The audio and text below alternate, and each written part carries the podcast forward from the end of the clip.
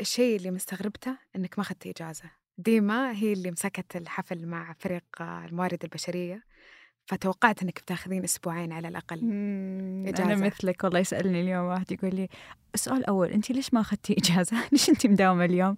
قلت والله نبدأ الآن في مرحلة الفواتير نبدأ نرفع فواتير بعدين تشيلها من راسي؟ طيب أنا عندي سؤال. أحسن. الحين دائما نسمع أن يعني الاجتماع السنوي أو الحفل السنوي يوم واحد.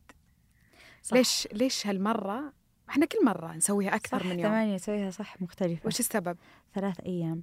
يا شيخ نتكلف؟ إحنا نجيب موظفين من برا ندفع تذاكر فنادق.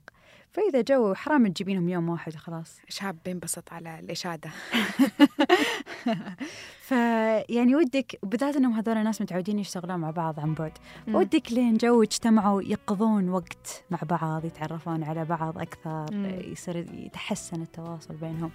فندهر والله ثلاث أيام كلها فعاليات ونشاطات وورش وكل شيء. والله يعطيكم العافية صراحة. يعني في ورشة عمل في فعاليات حركية كل حاجة تعالي حفلة في إيه. ثمانية. هم الناس يشوفون حفلة واحدة وإحنا مجموعة حفلات.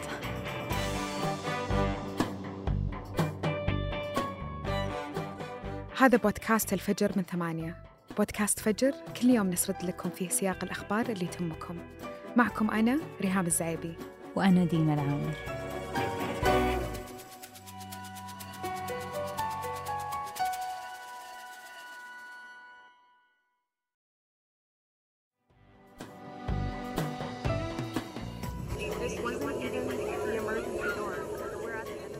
أهبطت طيارة بوينغ 737 ماكس اضطراريا للمطار مرة ثانية بعد إقلاعها بعد ما اكتشفوا شرخ زجاجي في مكان القيادة. وحرك هذا الموضوع أنظار العالم لليابان اللي وقعت فيها هالحادثة. وقد يبدو أن هالخبر عادي نوعا ما إلا أن ارتباطه بهالنوع من الطيارات خلاه خبر مثير للانتباه.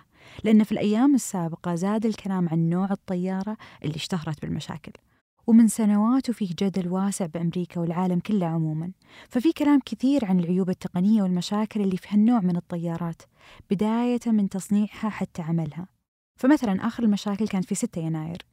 فإدارة الطيران الفيدرالية وقفت ما يقارب عن 171 طيارة بوينغ 7379 ماكس بعد ما فقدت الطيارة قابس باب الخروج أثناء الطيران.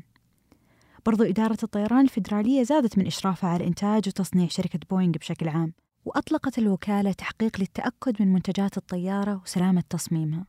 والحين نحاول نفهم قصة السمعة السيئة لهذه الطيارة وإيش قصتها مع أحد شركات الطيران المحلي؟ قبل أسبوع أعلنت شركة الطيران الأمريكية ألاسكا إيرلاينز اللي تمتلك في أسطولها أكبر عدد من طيارات بوينغ 737 أعلنت أنها اكتشفت قطع غير مثبتة جيدا في بعض طياراتها.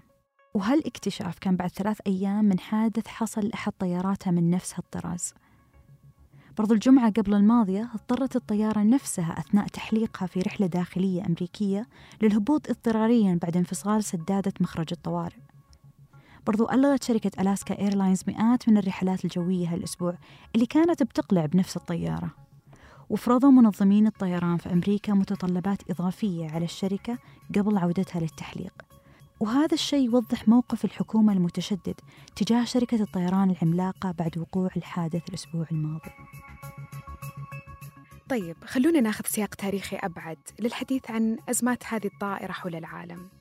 كانت هيئة تنظيم الطيران في الصين أول هيئة في العالم توقف تشغيل طائرة ماكس عام 2019 بعدها قررت جهات أخرى أنها توقف تشغيلها بما في ذلك إدارة الطيران الفيدرالية الأمريكية. وفي إبريل من عام 2019 شكلت إدارة الطيران الفيدرالية فريق دولي لمراجعة سلامة الطائرة. وفي يناير عام 2020 توقف إنتاج طائرة 737 وهو أكبر توقف في الإنتاج منذ أكثر من 20 عام. ثم استأنفت إنتاج بوينغ بعد ذلك بمعدل منخفض.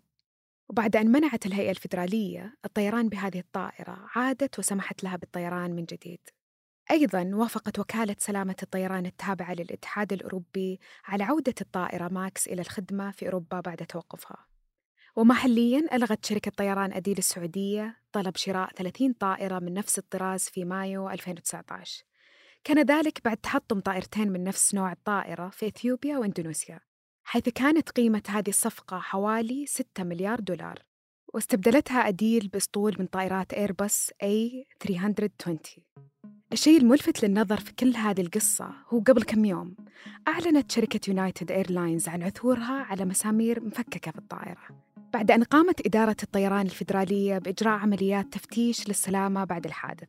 كان من غير الواضح ما إذا كانت المسامير الأربعة غير موجودة في بداية الرحلة اللي كانت يوم الجمعة أو إنها فقدت بعد الحادث. وقال البعض أن باب القيادة اللي أنفتح أثناء الرحلة الأخيرة للطائرة كان مصمم للقيام بذلك أثناء تخفيف الضغط السريع. وهي تفاصيل لم يكن طاقم الطائرة على علم بها. وبعد التحقيقات ظهرت تساؤلات سلطت الضوء على التحديات المرتبطة باستراتيجية بوينغ الشاملة اللي كانت مركزة على الاستعانة بمصادر خارجية لتصنيع طائراتها. وأثارت الحوادث الأخيرة تساؤلات عن الإشراف على عمليات تصنيع الطائرة وعن السبب اللي يجعلها تحلق مرة بعد الأخرى بالرغم من كل هالأزمات. خصوصاً أن جذور القصة تعود إلى مقترح قدمه مهندس الطيران جون هارت عام 2001 حذر من المخاطر المرتبطة بالإفراط في الاستعانة بمصادر خارجية للتصنيع كل هذه الأمور تجعلنا نفكر هل من الممكن أن تعود طائرات 737 للطيران مرة أخرى؟ أم أصبح من الضروري محاسبتها وبقوة؟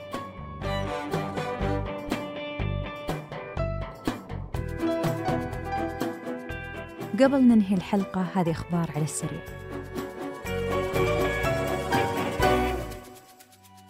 ارتفعت التوقعات للعملة المشفرة البيتكوين حتى وصلت هالأسبوع لأكثر من مية ألف دولار. وهذا التحول الكبير كان بعد ما سمحت البورصة الأمريكية بإنشاء أول صندوق أمريكي للتداول الفوري في البورصة بالبيتكوين. ويتوقع الخبراء ارتفاع أكبر عملة مشفرة في العالم في عام 2024 بأسعار تتراوح بين 100 ألف دولار إلى ربع مليون. وعملة البيتكوين ما تحركت بشكل كبير عموما لكن المستثمرين يتوقعون أنها بتبدأ بالتحرك وتحقيق مكاسب كبيرة في وقت لاحق من العام.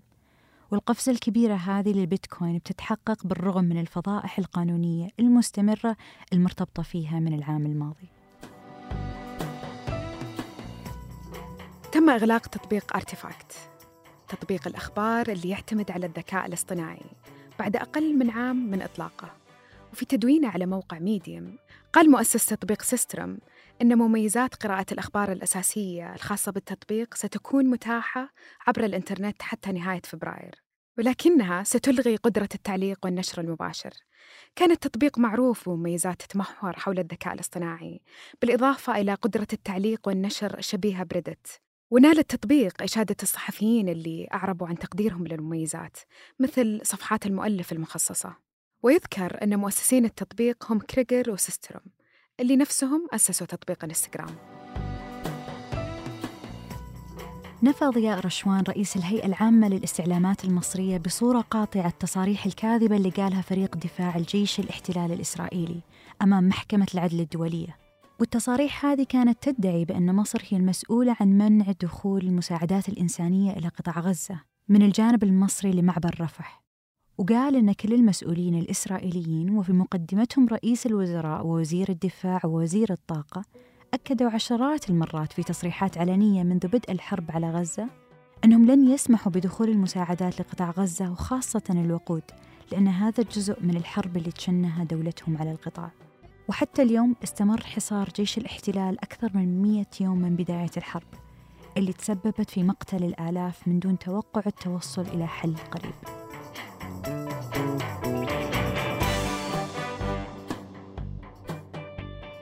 أنتج هذه الحلقة حسام الخولي وقدمتها أنا ديما العامر. وأنا ريهام الزعيبي. وحررها تيسير قباني. تشوفكم بكرة الفجر.